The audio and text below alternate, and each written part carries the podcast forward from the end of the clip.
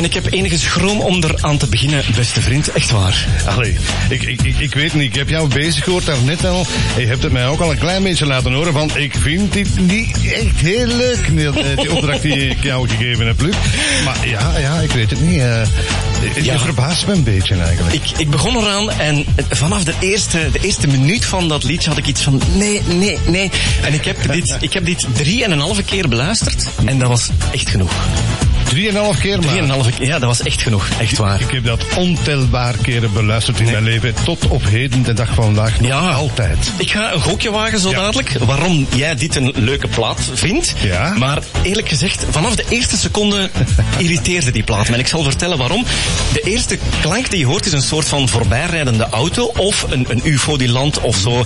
Eh, iets, iets raar dat er aankomt. En dan krijg je een dreunende bas die eigenlijk al indringend klinkt. En daarmee verklap je de hele plaat eigenlijk al. Je krijgt daarop een scheurende gitaar. Tot daar kan het nog mee. Maar dan krijg je zo een indringend hoge krijs van die, wat hij noemt, hij noemt zichzelf zanger. Dan, dan, dan, dan ben je mij eigenlijk al kwijt. En dan heb ik het nog niet eens over de tekst, die volgens mij niks voorstelt. En ik weet, er zijn heel veel discussies over. Ik vind dit echt wat een, een vreselijke plaat. Ik ga het even weerleggen. Die, die intro, als je die intro hoort, dat begint en dat zwelt zachtjes aan. Dat is al gewoon het gevoel van, ja, ja, ja, ja, die plaat gaat komen. Dan komt die bas, dan wordt je toch gewoon meegetrokken, omdat je weet wat er nog gaat volgen. Die scheurende gitaar, die krijst David Lee Roth. Oké, ik ga 100% akkoord. Het is niet de beste zanger. Integendeel zelfs. Daar ga ik echt mee akkoord. Maar zijn stem in, in dit liedje en ook op het volledige album, ehm, jawel, het past, het klikt. Maar je moet het ook in de juiste tijdsgeest gieten. En ik denk dat je daar misschien wel een beetje gaan zoeken bent. Ja, ja, ja. Over de tekst gesproken. Ja, de wat de tekst. mij zegt, is dat de schrijver, wie het ook is, het mag David Lee Roth zijn, het mag iemand anders zijn, ik vind het een zielig ventje. Echt, waar?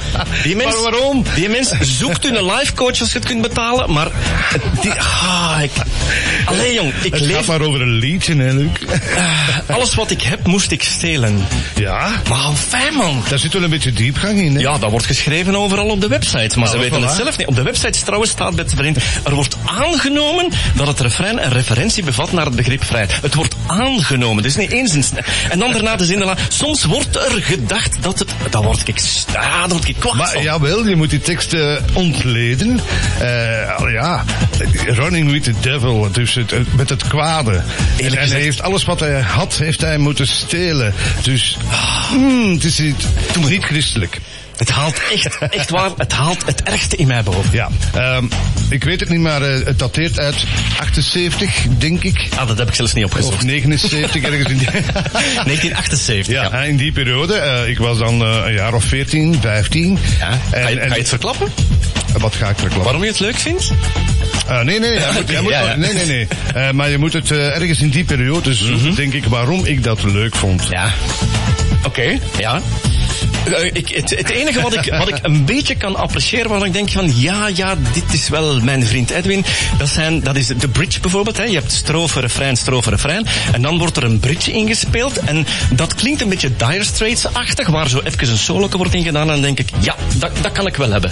Ja. Dat kan ik hebben. Maar, dan ben ik ook gaan kijken, die plaat heeft in eigen land amper de 84ste plaat behaald. Ocheren, ocharme. En ze hebben wel gescoord in Nederland en België. Dat wel.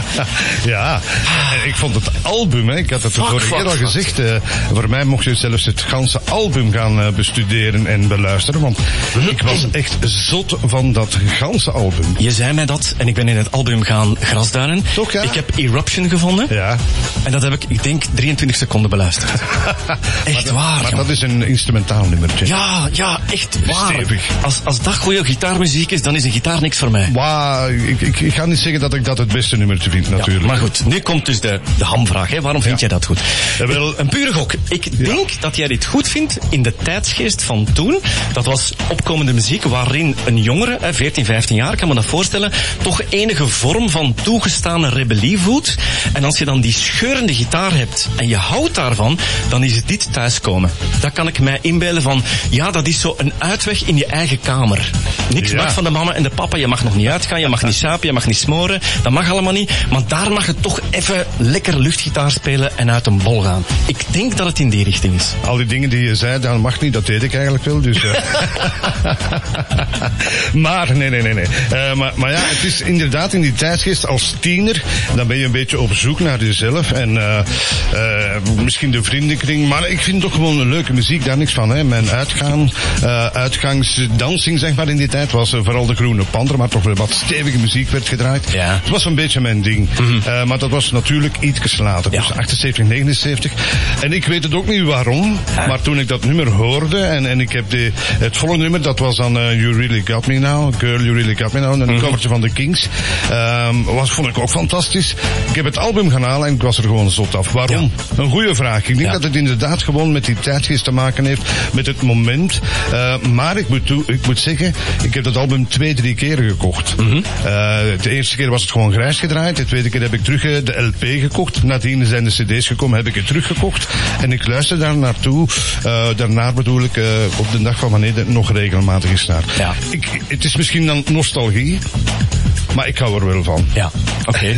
ik denk dat de luisteraars jou nu op een andere manier gaan leren kennen. Want Ah, dit ja. past niet volledig in de het vragen waard format, zeg maar. Ja, nee, Hè? nee, nee, dat klopt. Dus uh, we willen de gevoelige luisteraars toch wel waarschuwen voor deze plaat van vandaag. Als je niet voor gitaar bent, neem u dan een koffie, doe de piske, doe de kakske. Maar uh, zorg dat je dan drie minuten overleeft. Maar want voilà, hoor, hoor, hoor.